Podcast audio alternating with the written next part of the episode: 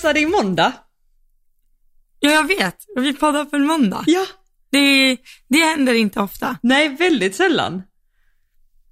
Så vi poddar alltså en vecka innan eh, sändningstid nu. Exakt, precis. Mm. Vi satt, Tycker man det är bra eller dåligt i frågan? ja men alltså både bra, vi satt ju och diskuterade innan att det är roligt på det sättet att vi båda har varit på tävling, så vi har ju tävlingarna färska i huvudet. Sen eh, kanske det händer mycket i veckan som man skulle vilja ta upp till nästa vecka så att det blir mer aktuellt på ett sätt. Så att det är nog både positivt och negativt, men mest positivt tror jag ändå. Mm. Ja, jag tror också det är mest, mest positivt. Det tror jag också. Vi har ju inte, alltså om man jämför oss med andra poddar så tycker jag andra poddar är väldigt duktiga på att ta upp så här aktuella händelser och saker. Vi gör Ja. ju inte det. Vi går ofta tillbaka liksom flera år och pratar om saker som har Ja. hänt. Ja, ja, verkligen. Alltså, har vi någonsin tagit upp nå- Jag kollade världscupen igår. Det är det som jag har liksom aktuellt. Ja. Jag kollade halva, jag var hemma så sent så jag somnade halva startfältet. Ja. Så jag ska kolla på Men det alltså idag. det är så sjukt att hon vann både lördags och söndags. Alltså, ja, jag gick in på morgonen nu och kollade alla hennes runder. Eh, Angelicas då. Mm. Jag fick, när hon gick i mål där eh, i omhoppningen, alltså jag, jag började gråta. Jag fick tårar i ögonen, jag fick sån rysning över hela kroppen. Ja. Alltså, ja, att ha en sån helg, herregud. Ja, så, Det är ju, den där hästen verkar ju milt speciell också. den påminner ju faktiskt jättemycket om Mickmack. Alltså, Ja, både färgen och Men- hur den är. jag har för mig att de sagt i någon sändning att hon typ knappt hoppar den hemma, att de löshoppar den. Mm, Alltså att den är lite wild mm, and crazy. säkert. Nu vågar jag inte uttala mig för mycket, men jag vill minnas att de har sagt det. Ja, Men jag tyckte den höll sig på, på benen tänkte jag säga, på alla fyra benen. Ja, jo men verkligen, det var så fin. Och så åh, när hon gick i mål och de filmade Malon och Henrik Ankarkrona stod där och så här glädjen. Åh! Ja, Och jag blev så, jag blev så nej, helt. Mm. Ja, det kändes inte som en lätt bana heller att hoppa runt där. Nej, alltså hur liten är den? 58 långt. Är den 58 lång? Ja, och inte ens 30 brett. Åh herregud, och jag klagade på när jag red i Lillhagen, eller växthuset som du kallar det i helgen, hur litet och trångt det Ja. var, hur snabbt hinderna kommer och då var det så här 1,10. Nej men, alltså jag rider någon häst åt, alltså, åt en som är hopptränare och han har, han har ju varit i branschen hur länge som helst. Då red man ju 1,40-1,50 inomhus på 2040 liksom. Det är helt sjukt. Alltså det är... Och liksom, Mm. och det var inte i närheten av det liksom underlagen vi har nu. Dessutom. Ja, det, alltså, det tror jag också Kloranpodden pratade om, någon linje som någon hade uppfattat var typ fem språng på 90 graders vinkel liksom, Ja. inomhus, Mm. 2040. Mm. Det hade, ja, Ja, det har Nej. hänt så mycket alltså. Verkligen. det var inte bättre förr. Det var inte bättre för på den fronten, absolut inte. Men alltså, Elsa, hur många starter gjorde du i helgen? eh, jag gjorde fjo, 16, nej 14, 8 plus 6, 14. Du lever mitt drömliv. Det, det känns inte som att det var så många. Ja, det är helt otroligt. Och sen så hade du, du var väl felfri typ i alla utom två? Eller? Två hade jag ett ner i. Ja, det var riktigt. Eller jag var felfri, eller jag red en, jag hade ett ner på lördagen med en häst, för den tävlade egentligen för att den skulle gå 1,20 in Mm. och den var felfri 1,20 in. Och då red jag en 1,10 innan. Och då tänkte jag att då kan jag lika gärna svänga. Och jag kanske inte gjorde världens mest noggranna omhoppning där. Mm. Eh, så då fick jag ett räcke i omhoppningen i 1,10. Och sen på eh, söndagen hade jag ett ner med en häst som var på tävling för första gången. Så den hade med sig ett räcke i första klassen och var felfri i andra. Mm. Mm. Och sen helgens Så. höjdpunkt. Du, du, du, du. Seger i 1,30. Jag är rädd för faktiskt. Det, jag, alltså, när jag gick i mål så tänkte jag, jag tror inte jag hade kunnat gjort det så jättemycket snabbare. Nej. Faktiskt. Det, det gick bra. Men det var inte bara fort, det var jäkligt bra. Du har ju lagt upp den här rundan på din Instagram om någon vill gå in och titta, men det var väldigt bra ridet. Ja. Väldigt bra ridet var det. Den ligger i en slide, det är en bild först och sen, ja. Mm. Men ehm, nej, det var faktiskt väldigt bra. Jag kände att där, där satt det. Ja. Det var också kul för du sa förra poddavsnittet så här bara, ah, min hästägare har anmält mig till avdelning A så jag får väl rida lite på klockan. Och sen så bara klipp till vinst med typ så, vad hade du? Du var ganska mycket snabbare än tvåan va? Ja, det var tre sekunder. Tre sekunder. Åh gud. Ja, fantastiskt. Nej, men, ja, nej, det var faktiskt väldigt roligt. Nu kanske inte är samma startfält här uppe som det är i Skåne i 1.30, men jag tror, jag tror hon hade gjort sig ganska bra neröver också.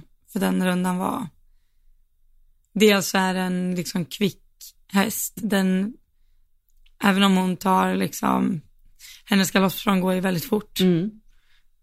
Eh, och sen eh, hoppar hon ju kvickt också. Mm. Hon är ju liksom naturligt snabb. Och så var ju vägarna bra och allt, det var bra. Mm. Hon touchade lite, lite in i en kombination. Och då, sen hoppade hon kanske lite väl bra när hon sprang. Och det var ingen Efter stor det. touch, det var liksom bara en liten, liten Nej, det var ingen- liksom. Så bara ser man direkt Ja, på språnget efter hur hon, eh, ja hon, men hon, det är liksom en av, en av få hästar som jag tycker hoppar lite bättre när det också är räcke-kombination än räcke-oxar. När det är räcke-oxar så tycker jag att hon liksom fokuserar lite mycket på utsprånget. Men, eh, eller så är det jag som gör det. Men eh, jag upplever att hon, hopp, alltså, hon hoppar ju lika bra när det räcker också som också räcker. Det, det kvittar. Men hon hoppar kanske lite bättre över A-hindret om det är en oxer. mm. okej. Och nu var det ett räcke in. Mm. Okej. Jag noterar ju också att, eh, jag har noterat det innan, men jag noterade speciellt i helgen att du ju har kortat upp dina tyglar. Det måste också ha, alltså, du ser ju väldigt tajt ut med hästarna nu. Det känns som att då är det lättare också Mm. att vara snabb och vara med. Ja, alltså jag tycker det är, är typ tre saker som jag är så här, varför jag gjort det. Eller dels för att när jag var nere hos Linnea så sa hon åt mig. Och då eh, har jag försökt rida en del med liksom med ploppar på tyglarna, annars rider jag med släta tyglar. Mm. Så jag är tvungen att rida, hålla på en plopp hemma liksom. Mm.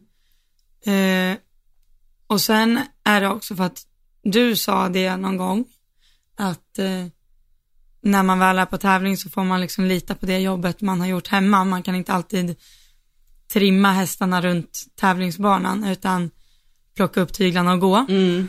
om Mm. du förstår vad jag menar. Mm. Eh, och eh, sen kollade jag på testridningarna på femåringarna som Henrik von Eckermann gjorde på Breeders. Och han rider ju med väldigt kort tygel. Alltså, och när, alltså om man håller kort tygel och sen är hästen ostadig i munnen, då liksom kortar han tyglarna lite till. Ja, Så det är ju verkligen så här en, en stadig hand ger ju en stadig mun. ja. Eller en, ja. Och eh, nej men det funkar ju. Allt, eh, och sen sa jag det till dig nu innan vi började att jag kan ju göra, jag kan verkligen göra förhållningarna i, i mankammen om du förstår vad jag menar. Om jag håller handen vid manen hela tiden så känner jag att förhållningen går igenom bara jag kramar handen. Mm. Så då kan jag hoppa in på en linje på fem steg och så står jag egentligen i lätt sits och efter tre språng så kramar jag handen och så går backar de av ändå. Jag behöver inte landa i sadeln, lyfta handen fram med skänken, liksom välta dem Mm. åt rätt håll. Vissa hästar gör ju det på, som trivs bättre med att jag sitter djupare i sadeln och vissa hästar, eller som behöver det. och eh, vissa hästar som jag mm, vill ha mer sug i handen på kanske. Bland annat en fyraåring jag rider och eh, Saratoga, den som vann 1.30 tycker jag går bättre när jag är lite lättare i sadeln och är väldigt jämn fram i handen liksom. Mm.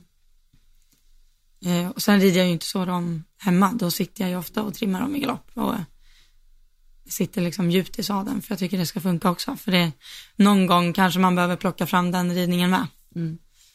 Eh, även inne på banan. Men om allt sitter så bra som det gjorde i helgen så var ju inte det nödvändigt. Nej. Ja, det, är, Ja. ja. det är jättestor skillnad.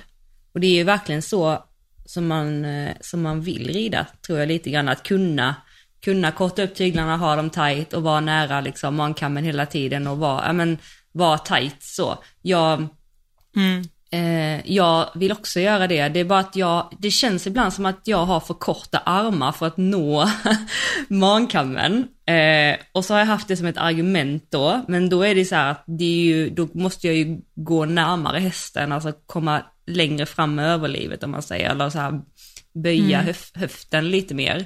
Och där känner jag typ inte mig bekväm, eller jag känner inte att jag har eh, balansen, vill säga, styrkan eller så här. Så att jag har kommit bort lite ifrån det. Men eh, jag vet att när jag har hittat det, jag vet jag hade det lite på Kalle i somras när jag red några rundor och då kände jag jättestor skillnad för då är man tight innan, över, efter och man är med i varje steg. Man, man behöver liksom inte plocka upp sig själv efter hinderna eller liksom så, utan man bara, Nej, man bara är med. men, eh, det men jag tänkte precis säga det, Kalle är väl en sån här som det hade funkat bättre på än Fia Mm. i dagsläget. Du, alltså du fick väl massa, fick inte du kommentarer? Eller jag skickade i alla fall din video till dig direkt när du hade lagt ut från helgen och bara, det är stor skillnad på sitsen för du, nu dras du inte med henne längre. Nej. Nej, precis. Nej, henne har jag lite, lite längre tyglar på, på nu. Eh, eller min tränare säger att jag också ska ha det, just för att kunna, ja men, eh, inte bli så fast eller så låst eh, med henne. Men sen har jag också jobbat jättemycket på ridbarheten och sen så har jag då ett nytt bett som hon respekterar lite mer. Så att allting blir lite mer ihop. Eh, och hon, hon drar inte tyglarna ur mina händer längre, vilket gör att jag kan ha en jämn, stadig, väldigt, väldigt, väldigt lätt kontakt med henne hela tiden. Alltså det är inte många gram jag har i handen. Vilket också gör det Oj. typ, nej nej det är helt, jag, till och med så här när jag red på lördagen, eh, på framridningen så tänkte jag bara så här, fasen nu känns det till och med lite skarpt. Alltså så. Eh. Men det kändes perfekt på söndagen. Men jag inser nu i efterhand varför det kändes skarpt var för att jag inte riktigt vågade rida henne med bettet. Utan jag blev lite så här shy själv. Ja. Och det blev liksom en lite, o, eh, lite, eh, inte glapp, glapp, men du vet inte en tight kontakt. Så jag vågar inte rida i kontakten och då blir ju bettet ännu skarpare så att säga. Så då kände jag liksom att jag var lite ovanpå hästen och hon var lite så. Men på söndagen så var jag verkligen med henne, i henne. Alltså tillsammans med henne. Eh, Men som du säger då, alltså då känns det mycket lättare att hoppa också när hon inte drar mig ur eh, sadeln eh, och sen att hon inte landar på huvudet utan hon landar mycket mer eh, med huvudet upp och kommer snabbare ifrån landningen än vad hon gjorde innan. Innan blev det så här, hopp, landning, boom och sen så bara eh, och hämta lite grann och sen komma in Ja. till balans. Så att ja, det känns mycket Nej. lättare. Och sen skickade du en video till mig också när du galopperade i Kalle där. Sju steg på 33,5 meter, eller hur? Ja! Det kanske inte fick säga. Jo, jäklar vad han hoppade på den också, såg du det? ja, det... Han, eh, han är ju en perfekt häst att göra flat outs på liksom, för han är ju så mm, kort i kroppen av sig själv. Ja, ja men verkligen.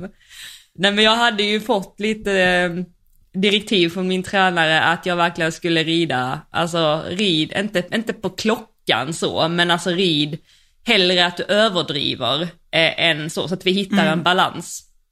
Så att då landade jag och så red jag de här eh, 33,5 meterna på sju galoppsprång. Och det, grejen är att det är så synd för att nu har inte jag lagt ut det här så att eh, ni som lyssnar har inte sett det så, men jag, sista tre galoppsprången så använde jag ju hela min kropp. Såg du det? Liksom att jag nästan så här flaxade med armarna Mm. sista. Och det, när jag tittar i efterhand, det, alltså det är sjukt fult till att börja med. Och sen så bara, det är ju inte nödvändigt. Alltså, där ser man ju en ryttare som inte är bekväm i det hon gör. Alltså det hade räckt om jag hade suttit still och bara använt lite mer skänkel. Är du med på hur jag menar? Mm.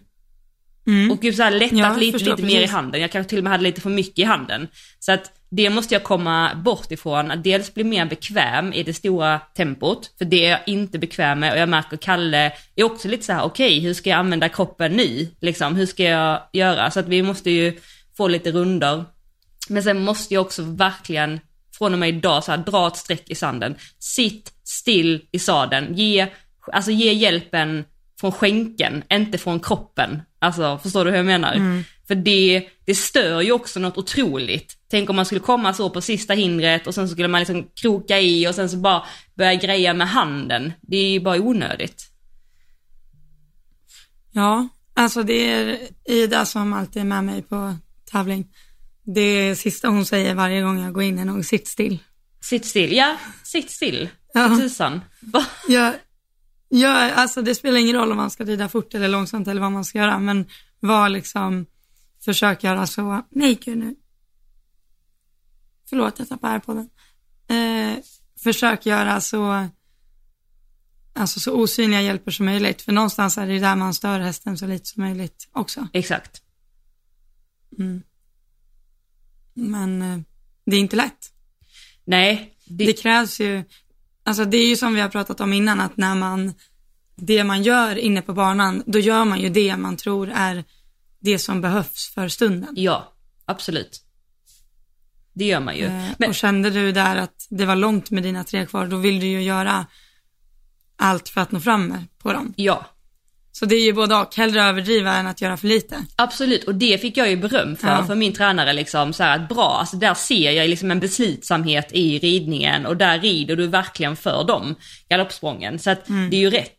Men man vill ju komma till att det inte blir lika eh, actic liksom. Och jag, man ser ju där, det är det jag menar att eh, när man rider en omhoppning och rider snabbt, då vill man ju rida, alltså då vill man ju tänka i slow motion och agera fort, fast still. Så att börjar man tänka snabbt, då börjar man ju röra sig snabbt och göra snabba grejer och liksom så. Så att man ser ju ofta på en ryttare när en, när en ryttare är obekväm och tycker att det går fort, eller när man har en ryttare som är lugn och trygg och vet. För att den, och där såg man på den linjen att där var en, alltså beslutsam var jag ju, men jag var ju inte supertrygg i att rida på det sättet. Och då blir det ju att man rör, rör allt. Så tänka långsamt, rida fort. Precis.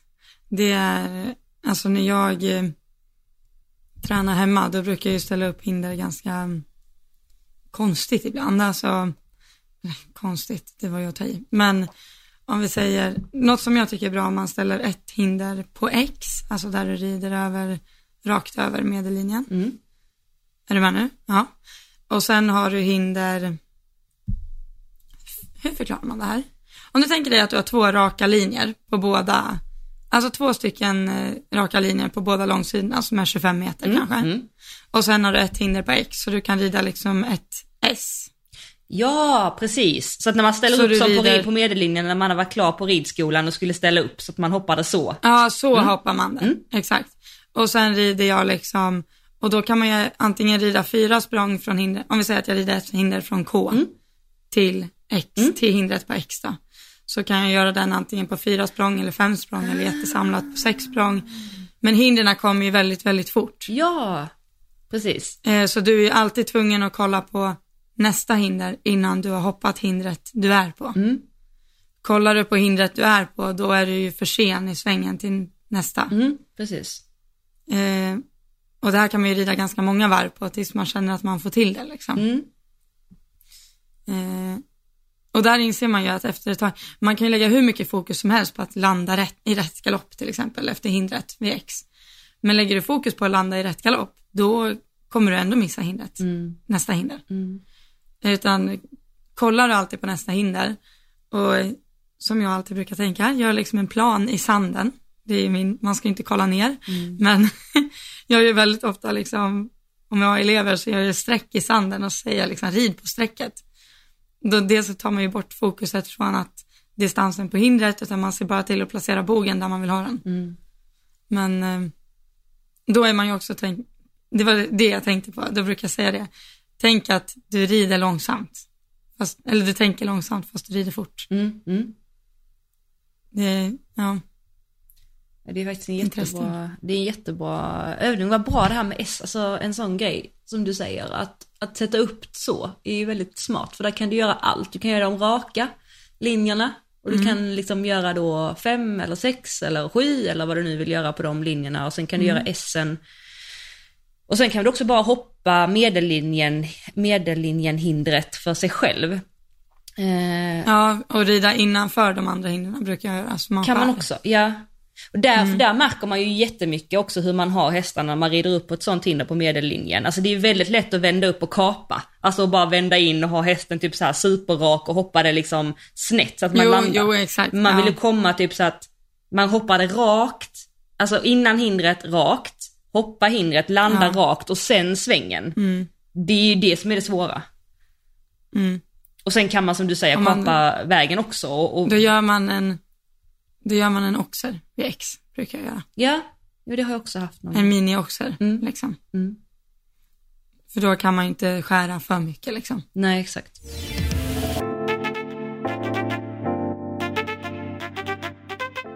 Ja, men Johanna, har du någon sån här go-to-övning som du gör hemma? Som du känner så här, det här. Nej, alltså just nu har jag inga egna åsikter tänkte jag Nej men jag brukar, alltså det här som du sa med hindret på medellinjen tycker jag är jättebra. Fast då har jag också satt en, eh, fast satt dem på tre stycken på medellinjen så att man kan rida serpentiner över. Det tycker jag är eh, superbra för då får man verkligen koll på, eh, på allt. Men sen utöver det, ah, tråkigt svar, men nej jag har ingen sån go-to eh, övning. Det som jag fokuserat på mycket sista tiden, som jag inte har gjort på många år, det är att bara sitta på en åtta. Alltså ha ett räcke och en oxer snett igenom och bara så sitta och nöta det man vill ha nött. Alltså bara om och om och om och om igen så att man bara liksom kan duplicera, ändra eller duplicera och sen så bara att köra. Det tycker jag har hjälpt mig jättemycket senaste tiden. Speciellt så här hitta, landa, hitta framåtbjudningen, så här, hitta balansen i svängen och sen så bara låta hindret komma till mig. Och så ha de raka innan, över och sen i landningen. Alltså det är svårt nog just nu känner jag. Ja, det är, nej men jag, jag tycker det också är sjukt bra. Det är bara att ha två stycken snett igenom. Mm. Det, det kommer man långt på. Ja, verkligen. Och speciellt om det är så att man tränar, alltså som du som åker iväg till din tränare ganska ofta, då behöver du ju absolut inte göra mer hemma Nej. än det. Nej, exakt. Det är ju precis lagom. Mm. Det, ja. Men, eh, men du är bättre än mig på serier tycker jag. Eller? Är det bara för att jag sett det på Instagram någon gång? Nej, alltså Elsa jag har, alltså jag har sådana problem med serier. Alltså, Jaha, ja, jag, ja. jag vet, jag, nej men jag har tänkt så här, jag, jag, det är mycket bättre. Jag har tyckt att det var läskigt med serier. Även om det är så här travbom in, så att det kan liksom inte bli fel egentligen. Så här, om du har en travbom eller en galoppbom in, så kommer du, skulle du komma lite fel in så bara löser det sig för att alla avstånd är där. Så att egentligen borde det vara det lättaste i världen att hoppa. En serie. Men jag har haft typ skräck för det. Eh, och jag, vet, jag tror att det har varit en osäkerhet i mig och sen så har jag känt att jag har inte varit med hästen. Jag har haft så himla svårt att hålla balansen förr. Så att det har nog varit, varit det som har avskräckt mig. Men nu när jag gör typ så här studs, jag gör mycket studsserier hemma och serier väldigt lågt hemma. Nu, tyck, nu, när jag, nu när du tar upp det faktiskt så tycker jag inte att det är läskigt längre. Det har jag inte ens reflekterat över. Men det var jätteläskigt förr. Men jag, jag tänker mig att serier är något som många tycker om. jag vet, Du ty- ja, jag vet. just för att det, serien gör ju jobbet åt en mer eller Exakt. mindre. Det är logiskt. Men det gillar inte du. Nej, det har, usch, usch, vad läskigt. Usch.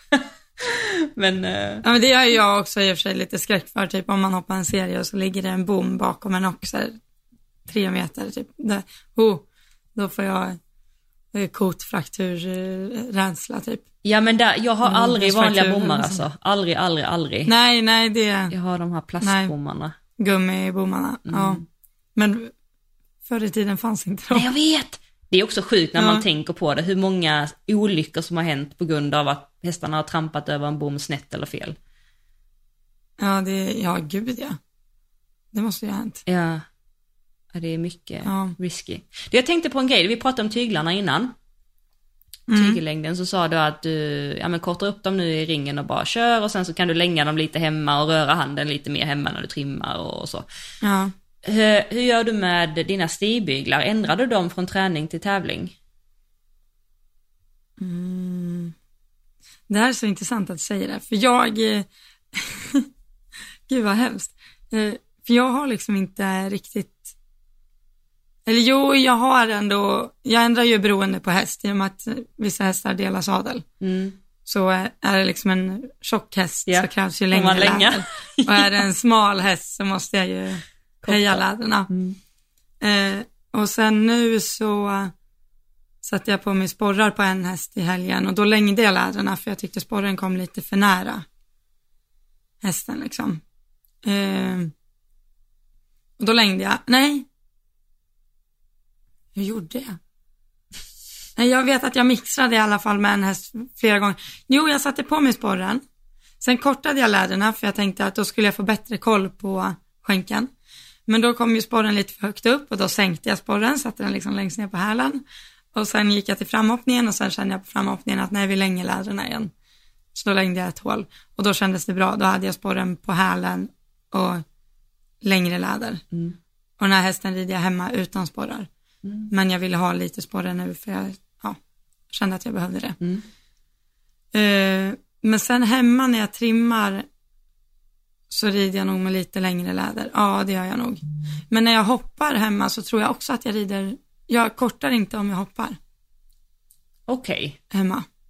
Utan jag rider nog med mina trimläder när jag hoppar också.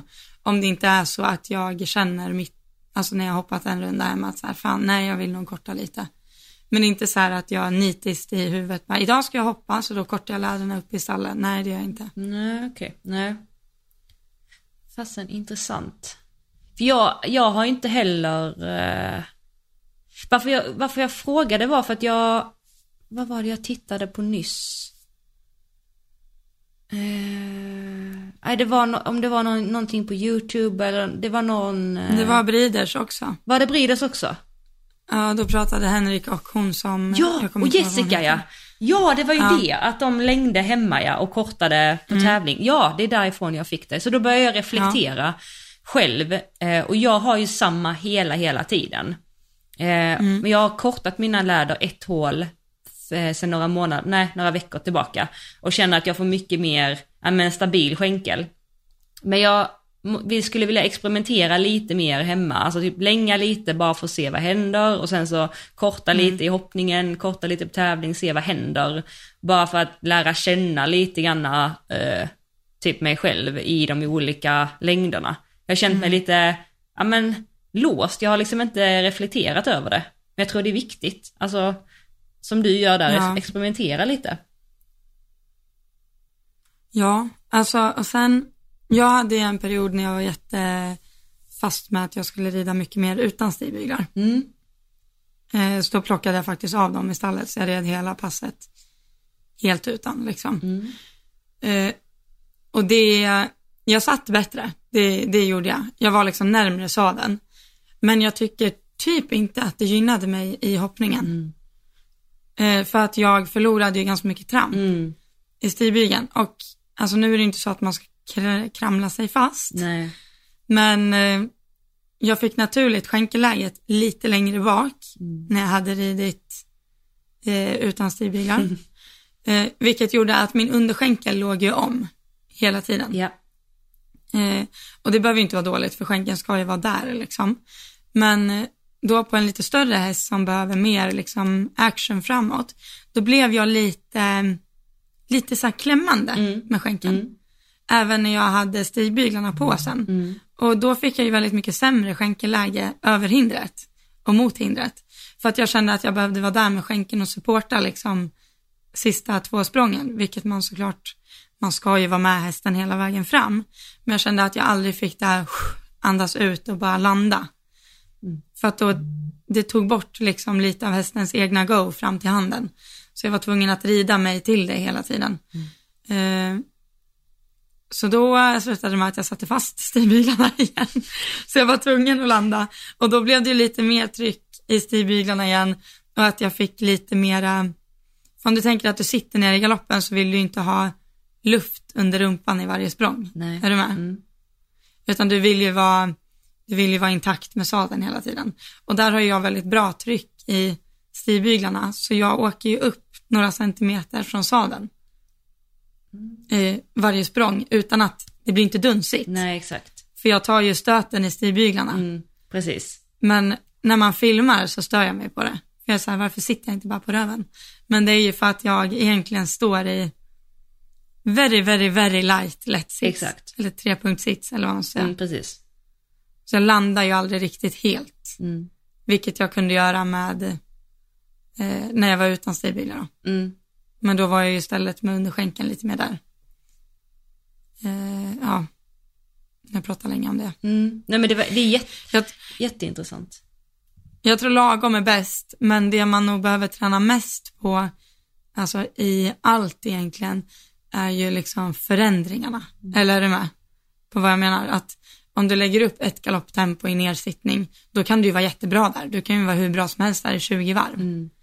Men så fort du byter varv, Mm. då kanske det blir lite sämre. Mm. Eller om du ökar galoppet ett snäpp, ett snäpp eller om du ställer dig upp i sidbilarna. Mm. Att det är så här, att nöta precis samma tycker jag inte, blir man inte så mycket bättre av. Nej, exakt. Utan det jag måste träna på det är så här, okej nu står jag i stigbyglarna ett varv, nu sitter jag ner ett varv, Mm. nu rider jag på femmans växel ett varv, nu rider jag på treans växel ett varv, nu byter jag varv, nu travar jag ett varv, sen galopperar jag ett varv. Att det liksom hela tiden, att man utmanar växlingarna däremellan och att man direkt ska komma i takt och direkt ska landa i sadeln eller direkt ska hitta balans i lätt sits. Mm. Att man inte, för jag kan ju tycka att jag är hur bra som helst om jag nöter i samma galopp på en 20 meters volt. Jag bara, här är, det finns ingen som är bättre än mig på den här samlade vänstergaloppen. Men däremot skulle jag ta ett varv i lätt sits i stor galopp och sen komma tillbaka till den här 20 meters volten, då hade du tagit fem varv igen liksom. Exakt. Eh, Ja, Och ja, precis. Och det tycker jag också är så himla bra när man sitter på femmans växel, säger vi bara så här på, på fyrkantsspåret. Att gå från eh, lätt sits till att sitta, lätt ner till att, sits, eh, till att sitta utan att hästen påverkas. Alltså utan att hästen ökar eller att, utan att hästen saktar ner, utan att hästen går ur balans. Så det är som du säger, den här variationen, det är ju den som är svår. Och, och det ska ju hända Ja. snabbt, det är samma i hoppningen. Ibland behöver du rida snabbt fram, komma tillbaka snabbt på tre, fram på fyra. Alltså, och det måste ju hästen kunna ta och kunna vara atletisk nog att kunna göra, kunna vara lydig nog att kunna ta. Och man måste själv kunna ge de här hjälperna snabbt. Eh, och kunna tänka snabbt. Så det är det, alltså, showjumping handlar om egentligen ju. jo men det är lite som ett, ett tåg tänker jag. Är det ispårat så är det ju väldigt bra. Det är liksom när, när chauffören måste tänka till är ju när de ska byta spår. Mm, just det. Eller när de kommer till perrongen eller liksom vad det nu är. Att det är ju aldrig svårt att vara på spåret. Då har du liksom klickat i allt. Mm, Då är det ju mer, var still där bara. mm, Men så fort du ska ändra någonting, alltså ändra steglängden eller byta galopp eller sakta av, det är ju då det krävs timing. mm, Liksom. Mm, Annars så krävs det inte så mycket timing om du bara sitter i samma lika hela tiden. mm.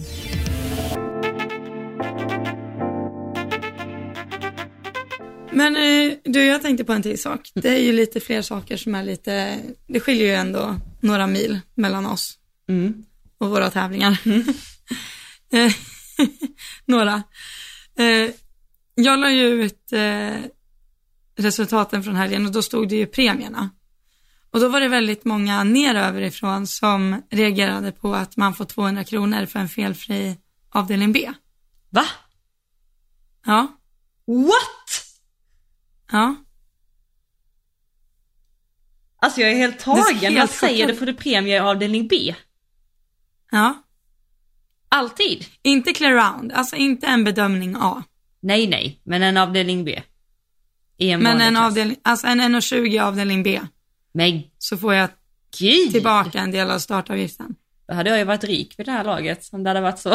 Skål! Jag tänkte säga det, du måste ju ha tävlat helt gratis i hela livet. Ja men det har typ hänt på en tävling och då, eh, en gång och då var det verkligen så här special special, vi vill ge tillbaka till unghästryttarna typ. Alltså det var verkligen så här. Men 200 spänn, alltså du, kost, så det, du får tillbaka lika mycket som det kostar. Alltså som att du var placerad i Ja, en... så den här helgen, alltså även fast jag bara red två stycken, eh, eller två stycken avdelning A, så gick ju den här helgen jämnt ut liksom. Ja men det är ju det sjukaste jag har hört. Alltså, men gör inte det då att folk vill rida avdelning B bara? Att det blir för många äldre hästar som rider avdelning B bara för att få tillbaka starten om man är felfri? Så kanske det är. jo, alltså det är ju många äldre hästar. Jag red ju en 11-åring i avdelning B nu. Mm, precis. Men eh, det är ju lite, jag väljer ju också lite för att då hade jag redan en häst i avdelning A. Mm. Jo, jo, Eh, alltså Så att inte få dem i samma liksom. såklart. Men eh, jo, men det är ju klart jag tänker på det. Om jag ändå inte rider för placering så tänker jag ju att det gynnar mig att rida avdelning B för är jag felfri så får jag ju ändå premier. Ja. Det var till och med så här på förrförra tävlingen jag var, var på, så hade de till och med tagit bort rosetten i eh, avdelning B. Alltså för att spara ner. Oj, Så det är liksom, det är lite mer så Ja. här nere. Men vad då är det så på alla tävlingar som du är på där uppe? eh, nu vågar jag inte säga eh, det, men i helgen var det det. Och ofta är det det. Ofta är det det, okej. Men är det så också om man tänker, nu kanske inte du vet det, men jag tänker om du åker lite mer neråt, typ Stockholm, Sundbyholm, eh, det området, har man det så där också? Nej, men då är det nog kanske inte. Nej. Gud, jag måste kolla. Ja, man ska ju flytta till Falun, det hör jag ju. Är nog inte. Ja, Men, eh, Men, eh, nej men okej, nej, eh, det var ju helt sjukt faktiskt att eh, höra. ja, det, ja, det, jag, alltså, ja, jag tycker inte att det är helt sjukt. Jag är så här, ja, för så är det här, eller så är det ofta här. Vad kostar en avdelning B, en och 10? Och hoppa? 200-300, max 300-200. Ja, ja, men det är nog samma säga. som här nere då. Jag tänkte om ni hade Nu betalade jag 200, eller 300 för dem jag efteranmälde. Mm, För det var några som gick en klass, sen anmälde jag till nästa när det kändes bra. mm. Då kostar de 300, så 200 innan. Men då måste ju era tävlingsarrangörer göra mycket mindre vinst på sina tävlingar än vad våra tävlingsarrangörer gör. Eh, ja, så kan det absolut vara, men vi har i slutändan inte lika höga premier för större klasser. Vad vann du Eh, nu när du och vann sen- 1,30 då? Ge mig en minut. Nej, det behövs inte ens en minut. Jag ska in och kolla vad jag vann, så jag inte säger fel nu. Nej. Jag vet ju dock inte exakt vad en... Jag fick eh, 700 kronor för en andra plats i 1,20 Mm. Och så fick jag eh, eh, 1000 kronor i en första plats i 1,30. Okej, men det var ändå ganska lågt tror jag. För att, eh, Ja, det var, det är ganska lågt. ja, om man jämför här nere. Nu vet jag inte exakt, men jag vet liksom att en 1,20 brukar man nog kanske vinna runt 1000 kronor på. Eller nu, nu ska jag faktiskt inte uttala mig för att jag vet att när jag hoppade 1,10 förr i tiden, alltså då kunde jag vinna 1000 spänn när jag vann en 1,10. Så att det har liksom också ändrat sig lite neråt tror jag med prispengarna här omkring. Ja. Men sen kanske det är, alltså man säger så här, jag tror inte det är lika hög nivå här uppe generellt. Det är nog fler felfria i en, eh, en meter eller en 1,10 avdelning B i Skåne än vad det är här. Mm, så kanske det också är. Men eh, vi fick ju en eh, fråga på eh, vår podd-insta om eh, just det här med underlag. Mm. Ja, det är också intressant, för det är ju också olika. Mm. För ni har Vad- inte, alltså alla tävlingar du åker på har inte fiber eller? Nej. Speciellt inte ute skulle jag säga. Okej. Inne är det oftast fiber. Det finns, och sen är det ganska många som har eh, klenflis, om det säger dig någonting. Klenflis. Typ sand och eh, ett så här träfiber. Ah, precis. Ja. Eh, sådana, precis. Mm. Mm. Eller grus och sånt. Ja. Mm. Eh, I och med att jag har flera hästar barfota så eh, väljer jag oftast eh, att rida på fiber. Mm. Eh, men ute har vi ganska mycket, alltså även nationellt, som är på grus eller sand. Mm. Det Mm. skiljer ju sig jättemycket. För du hade väl inte åkt på en tävling på grus? Nej, det hade jag inte. Alltså, och det är ju inte så här för att klanka ner. Alltså det finns ju föreningar som, jätteduktiga föreningar som gör tävlingar som, som har grus och som inte har möjlighet att fixa fiber och så. De, men, men det blir ju att man blir ju väldigt, väldigt bortskämd. Eh, och det finns liksom inte i många, och vi som rider liksom, eh, ja men typ så här regionalt, nationellt eller sådär. Alltså det finns typ inte ens i ens värld att man inte skulle rida på fiber. Eh, Nej. och så för att alla här ju- har det typ. Ja. Eh, Nej men det är samma, om jag skulle åka på öppen bana någonstans eller sådär, då hade jag inte heller åkt på grus nej. eller sand. Men sen finns det liksom många arrangörer här nere som har lite lokala och också regionala som ändå får mycket starter för, fast att de inte har grus, eller eh, fiber som Jo. har grus. Och det är jättebra tycker jag, så att man ändå gynnar de föreningarna. Ehm, Ja, och det är ju jättebra, men det känns som att då måste också deras underlag ha lite bra rykte, eller förstår du vad jag menar? ja, precis. Precis som om du ska tävla på gräs, då är det så här, då åker du inte på den grästävlingen om du inte vet att, jo men den här klubben har en bra gräsbana. Ja, nej, nej, absolut inte. Underlag är Mm. superviktigt. För vi fick ju den här frågan också, hon, hade, hon, hon bodde i Schweiz va? Den tjejen. Schweiz, ja. Schweiz, vad sa jag då? Schweiz. Schweiz.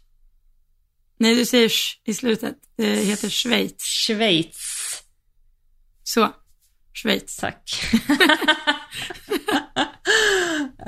Förlåt, gud vad hemskt. Nej, det var bra. Bara korrigera Det är bara för att jag var på språkresa till Schweiz när jag gick i, i grundskolan. Så var jag dit två gånger och då var de så här nitiska på att man skulle kunna säga Schweiz och Okej. inte sa Schweiz. Schweiz. Schweiz är fel. Precis. Schweiz. Mm. Eh, och hon hade fått lite kommentarer ifrån hennes omgivning att hon var lite picky med att välja, eller att rida på olika underlag och att det upplevdes som att det var liksom lite, men att hon var lite känslig när det kom till det. Så hon ville veta typ vad våra åsikter var kring det. Eh, för, och typ så här, om vi tar det här scenariot då, vi kommer till tävling och ser att den här arrangören har inte lyckats med underlaget. Alltså det är övervattnat eller det är superdjupt eller det är så här, vad, vad gör vi? Vad gör vi? Alltså jag har ju tagit ur mina hästar från tävlingar när jag har kommit till tävlingsplatsen och sett att det har varit inte bra. Eh, och någon gång har jag tagit bort andra klassen eh, när jag har hoppat en och sett att det inte har varit bra. Liksom. Det har inte hänt många gånger, men det har eh, hänt. Eh, jag tror att det är, eller jag tycker att det är superviktigt med ett bra underlag. Ja, gud ja. Ja, alltså är det något som skadar ens häst så är det ju absolut inte värt Nej, exakt. att göra. Eh, så det, Och jag tycker inte man kan Ja. vara för picky, eller det är klart man kan vara för picky, men jag tycker hellre att det är bättre att vara lite försiktig än att tänka så här, äh, hoppas det går. Alltså, ja, nej, nej. Och sen tjänar man inget på att, om vi säger att det, är mm, där man vet att det släpper i en sväng eller något sånt där. Det, blir, det gynnar ju inte en bra runda heller. nej. Det är ju liksom i svängarna, eller jag upplever oftast att om det inte är perfekt, då känner man kanske inte att man kan göra världens omhoppningssväng eller galoppera på genom svängen eller vad det nu är. Mm, Man är så beroende av att kunna lita på att underlaget håller. mm, exakt. Så sitter man hela tiden och safear i svängar för att så här, hoppas det inte släpper. Då blir det ju heller ingen bra, bra runda. Nej, exakt. Ja, Alltså jag vet inte, jag hade nog, om jag åker ut med så här fyraåringar som nu, igår så red jag liksom 80-90, Mm. då tror jag inte jag hade varit extremt, det, jag skulle nog vara, då skulle jag nog kanske inte ta bort mina hästar från tävlingen utan jag har gjort så här, vi får göra det till vad det är idag men de får i alla fall erfarenheten av att ut och se tävlingshinder. Ja. Liksom. Mm. Men hade det varit eh, en häst som ska in och gå 1,30 då hade jag nog tagit bort den från klassen. Mm. Jo men så resonerar jag också. Jag vet när jag red runt de här 90 också. Eh, på, på Kalle och så. Då kunde jag också ha samma tankesätt. Ha lite mer överseende liksom. Ja. ja. Precis. Men det är ju skillnad Yes. på hoppa en 80-90 och hoppa en 1,30 för hästarna. Jo, men det är det ju. Och där, alltså, där spelar ju framhoppningen in också. Jag, Mm. för, ja, eller framridning, framhoppning. Mm. För nu var det, nu till första klassen i, det är ju fruset här nu på morgonen, Mhm. Mm. har det varit. Så då hade de ju, de har jättebra tävlingar. Jag, jag gillar verkligen deras tävlingar. Det var ju bara väldigt otur att det skulle vara väldigt kallt den natten. Nu fick vi tid och plats att rida fram ändå och det var lite omstarter och sådär för det var clear Så man hade, fick liksom ordentligt med tid i ridhuset där det var fiber, alltså på, i framhoppningen. Men det fanns ju ingen, liksom, det var ju svårt att värma upp hästarna i mer än skritt. Mm. Men så är det ju med vinter i Sverige. Det är ju inte, det är inte alla klubbar som kan ha tre ridhus liksom. Nej. Ett att rida fram i, ett att hoppa fram i och ett att tävla i. Har ni någon sån Det är klubb uppe väldigt hos er? sällsynt. Nej, men vi har, eh, nu måste jag tänka. Nu vill jag inte säga, ljuga om det är så att vi har någon. Nej, det har vi inte, men de som det är fritt antal på framhoppningen har ju ofta ett stort framhoppningsridhus. Mm. Eh, så då kan man ju vara, då kan man ju komma in i ridhuset när det är liksom, ja, typ 15 kvar egentligen. Mm. Mm. För då är det ju en inne på banan, en som står och väntar. Det blir ju som att man är typ 13 stycken då på framhoppningen. Det är ju jättebra om man får, får vara så många. Alltså 13, 14, 15, Ja, där alltså klarar man sig absolut. nu tänker jag på Högbo, det måste vara, ja det är bra mycket större än 2060 tror jag. Mm, Okej. Det är framhoppningsridhuset. Mm. Ja, mycket, men alltså det är, det är större än 2060. De har till och med en liten liksom avskärmning för där man ska gå in på banan. Mm. De sitter ihop, tävlingsridhuset. Mm. Plus att de har en utefiberbana också. Men de har ju 1,45 Grand Prix och sådär inomhus, så det är ju väldigt hög standard. Mm. Men eh, det är ju klart att klubbarna kommer så längst på att ha två stora ridhus. Mm. Ja. såklart. Absolut. Vi har, eh, vi har eh, tror jag, en klubb här nere som har tre ridhus, eller två kanske. Eller förlåt, tre ridhus eh, som man kan både rida fram, hoppa fram i. Så det, och plus utebana då, så att det är jättebra möjligheter. Men när vi har de här klubbarna som har två ridhus, alltså det, jag tror inte, av de tävlingarna jag har varit på här nere, finns det ingen som har haft fri framhoppning. Alltså antal fram på Nej. framhoppningen. Det är alltid typ så sju, sex, sju, åtta. Ja. Alltså nu, jag kom på en till klubb, Strömsholm har ju flera ridhus. Mm. Så de har ju nästan alltid typ så här veterinärbesiktning 1, framridning 1, framhoppning 1. Ja. Ja. Eh, ja, de har ju Men, eh, ja de har ju många ridhus. Mm. Men eh, nu när jag tänker efter kan det stå typ så max 15 ekipage inne. Men Max det är ju inte 15? jättemånga som, ja det är ju liksom hur många som helst. Det är ju en halvtimme innan du ska rida. Men är det för att ni liksom. inte, oftast inte kan rida fram ute då? Är det det som är grejen? För att detta har det aldrig kanske hänt är det. eh, här nere Ja. alltså. 15 ekipage, alltså det hade ju... Nej men alltså det, nu tänker jag bara om det kan kanske sitta någon lapp. Jag ska tänka på det, jag ska dit och tävla om två veckor, tre veckor. Det kan hända att det sitter Men då har ni ingen ringmaster som kallar in på framhoppningen? Jo, men jag har aldrig blivit tillsagd att jag måste vänta liksom. Va? Alltså, Nej. det är två helt olika världar. Eller jo, jo, jo, men alltså på klubbar där det är ett litet ridhus. Som nu var det max fem Ja, okej. igår. Mm, okej. Eh, men då, gick, då är det en bit att gå till banan, så jag skulle säga att jag var inne tio innan. nästan varje, varje gång. Mhm, okej. Ja, Ja. interesting. Väldigt kul. Ja, Jo, men det är klart att de finns, men... men på dina, alltså på dina, när jag var med dig på tävling, där var de ju jättenoga. De hade ju full koll. Ja, och det är en av de, en av de anläggningarna, det var utomhus också. Så det är till och med, alltså Ja. där har vi ju som, som mest fritt såklart på utomhus. Men det är ändå, ändå en av de tävlingarna som är minst picky, om man säger. Alltså där Ja. man har mest fria regler, så att säga. Jo, för det, men det har jag också varit med om på vissa, att eh, typ, om vi säger att det är tre kvar tills jag får komma in på framhoppningen, men det är två som har gått ut, Mm, då borde ju jag få komma in. ja. Men då är det ju vissa som inte riktigt tänker till och så här, fast det är två som ska in innan dig. Ja. Jag bara, fast de är inte här. Nej, exakt. Men eh, ja, men gud vilket jobb alla funktionärer gör, alltså att få en sån helg att gå ihop. Ja, det Det är är, helt, helt otroligt. Det är verkligen helt Får att otroligt. snurra med kafeteria och inne på banan och liksom allt Helt ideellt. Ja, Utan eh, Nej, ideell arbetskraft hade vi inte kunnat ha tävlingar i Sverige. Vi har ju väldigt Nej. få tävlingar som är, eh, alltså företag och som är eh, styrda på det sättet. Alltså då har vi ju de här femstjärniga liksom, Scandinavium och Falsterbo, alltså de här.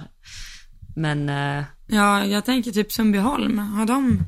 Mm, Då brukar det vara lite så här ridgymnasium och så som är eh, funktionärer tror jag. mm, ja men det har vi också i Flyinge faktiskt. Ja, Men det, nej det krävs, eh, det krävs mycket, det gör det.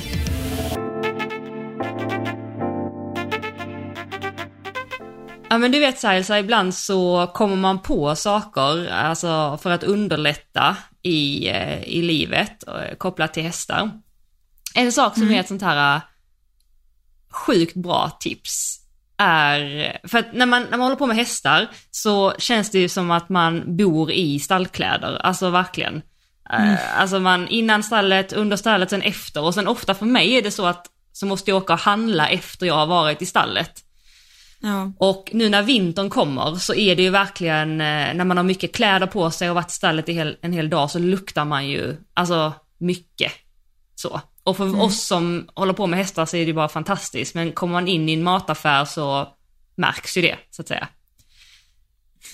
och eh, alltså, då kan man ju tänka så här, jag skiter i vilket, men sen så kan man också tänka så här att, ja, alltså typ respekt mot andra, alltså det är båda, man kan tänka på olika sätt, men jag har landat i alla fall att jag måste handla i ridkläder. Och för att liksom kompromissa på ett sätt, eh, så har jag eh, kommit fram till att bara man byter skor, så luktar man helt plötsligt mycket, mycket mindre. Mm. Så att det är liksom skorna man har gått i gegga i, man har mockat, man har stått i hästskit. Så att nu kommer jag alltid, eller har gjort det ett tag i alla fall, det här är inget nytt, men jag ville bara säga det att jag kommer alltid till stallet i gympadojor och så byter jag där sen. mm. Och sen så har man rena skor hem, så kan man åka och handla och göra vad man vill. Hur gör du? Ja. Gör du också något sånt? Jag brukar också, på sommaren så har jag alltid tofflor på mig. Birkenstock. Ja, okej. Mm. Eh, så då kommer jag alltid till stallet i tofflor och så byter jag skor där. Mm. Och sen åker jag hem i tofflor. Eh, nu eh, har det varit Uggs. Men då har jag även mockat i Uggsen. Mhm. Inte bra. Men ibland är det gympadojor också. Jag mixar lite. Mm. Men det är bra att du säger det, för jag behöver verkligen ett par nya vinter... Eh, ja, åka fram och tillbaka. Ja, inte Birken då, när det är fruset. Nej, precis. ja, det, precis. Men, eh, men jag har nog, jag har också så på vintern tror jag att jag byter jacka. ja. Eh, för jag har en sån här jättelång, supervarm. Men den står jag i och för sig också och håller träningar i nere i ridhuset. Men ridhuset Mm. luktar inte jättemycket häst. Nej, precis. Så det gäller ju bara att inte bära bommar liksom i armvecken Mm. med den. Precis. Nu blev det ju till slut så när det var riktigt kallt i vintras, förra vintern, Mm. att jag ha- hade den i stallet också. Men eh, det ska jag inte ha. Nej. Men det har varit min sån här, dra överallt när man är klar och man har tagit av sig Mm.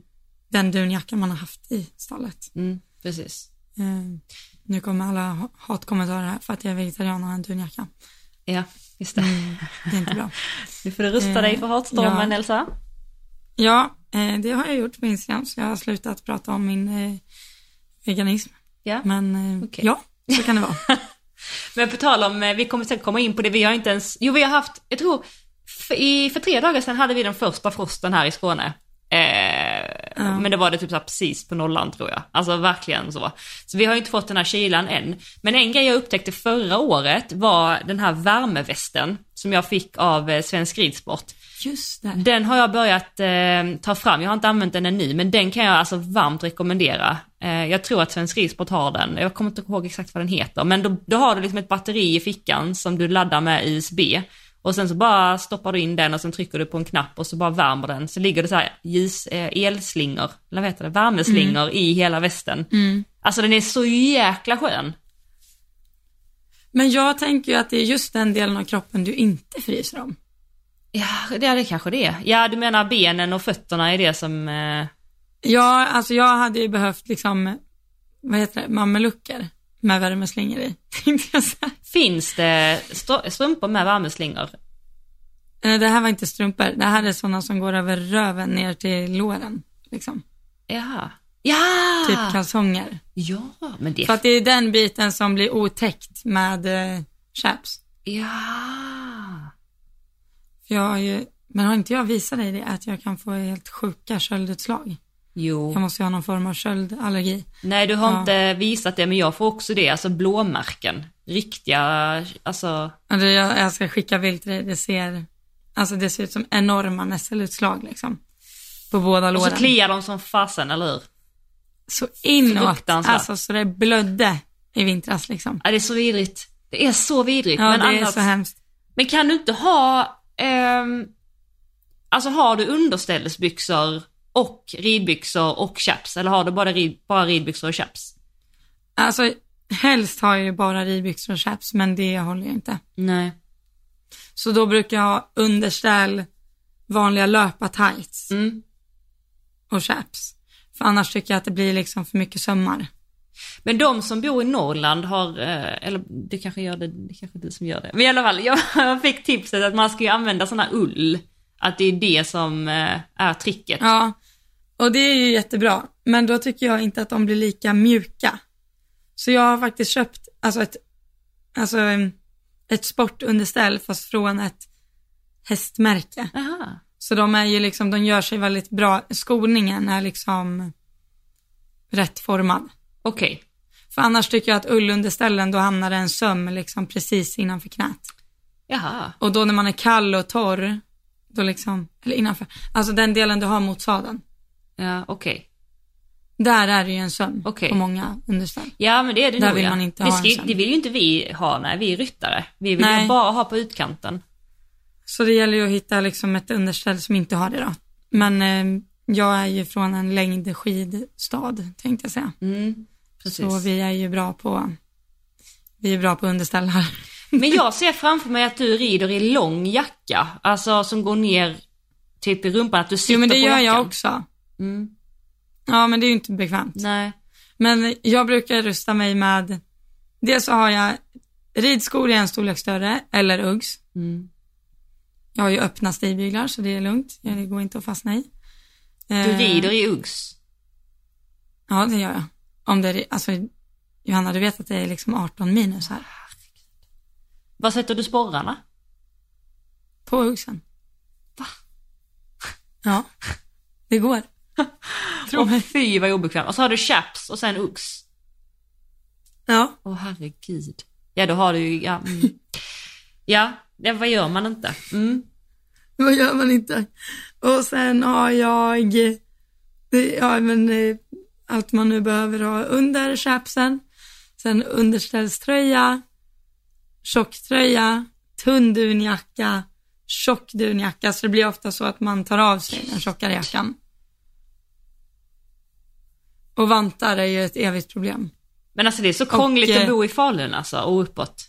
Det är så krångligt. Ja, och också en sak jag har insett som är helt värdelöst. Jag har, ju två piercingar högt upp på ena örat. Mm.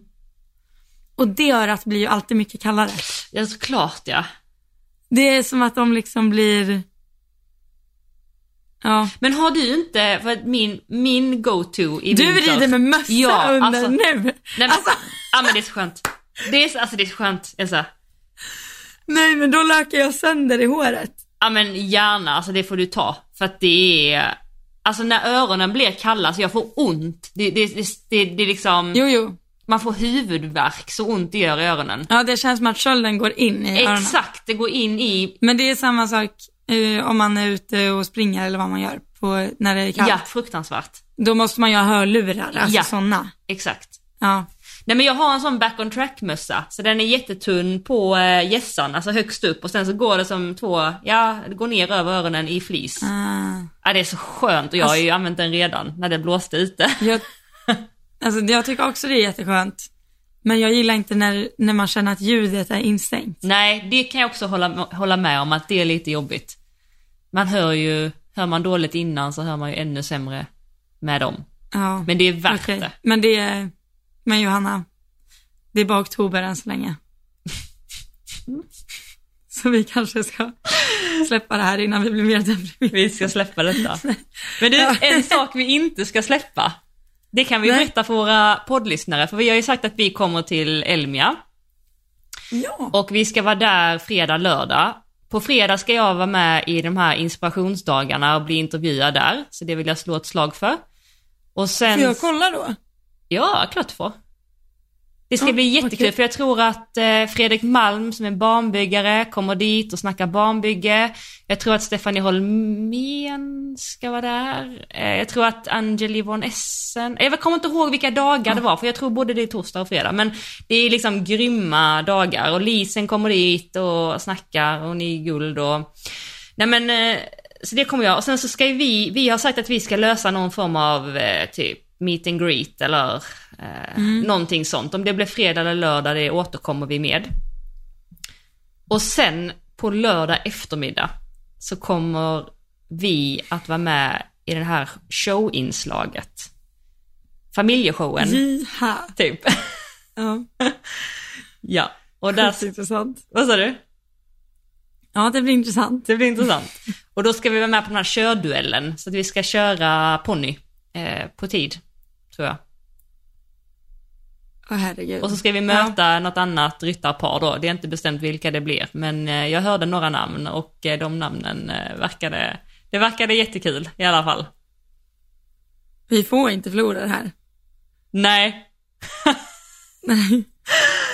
vi vill ju att ni ska, ska vara där och stötta oss. göra sitt här. Vad sa du? Nu ska avdelning B-ryttarna visa vad de går för här. Exakt. Ja. Nej, så det ska vi göra, så att då har ni koll på det. Så det har varit svinkul om ni eh, kom eh, på fredag eller lördag och hängde med oss, vad det nu än blir. Ja, Och verkligen. Ja, Och det är ju inte nu vi är, eller jo, det är ju, det är nu till Det är ju helgen. på ja. helgen. Det är nu till helgen. det är nu till helgen ja, när ni lyssnar på det här. Precis. Ja, exakt. Fasen vad kul. Gud vad jag längtar. Jättekul! Jättekul! ja, men du, då ses vi då Johanna. Ja men då ses vi då. Och eh, för er som är nya i podden och alla ni andra så vet ni ju att vi kör den här podden eh, utan eh, samarbetspartner, i alla fall har gjort fram till nu och vill fortsätta göra det. Eh, sen kan vi inte lova att vi inte kör något samarbete för att vi känner att vi får inte in tillräckligt mycket för att pod- podden ska rulla och det är för att eh, ni inte swishar tillräckligt. Nej men alltså, typ. Nej, men Är vi så får att, se hur det blir framöver. Men Ja. det här avsnittet hoppas vi i alla fall att ni kan sponsra.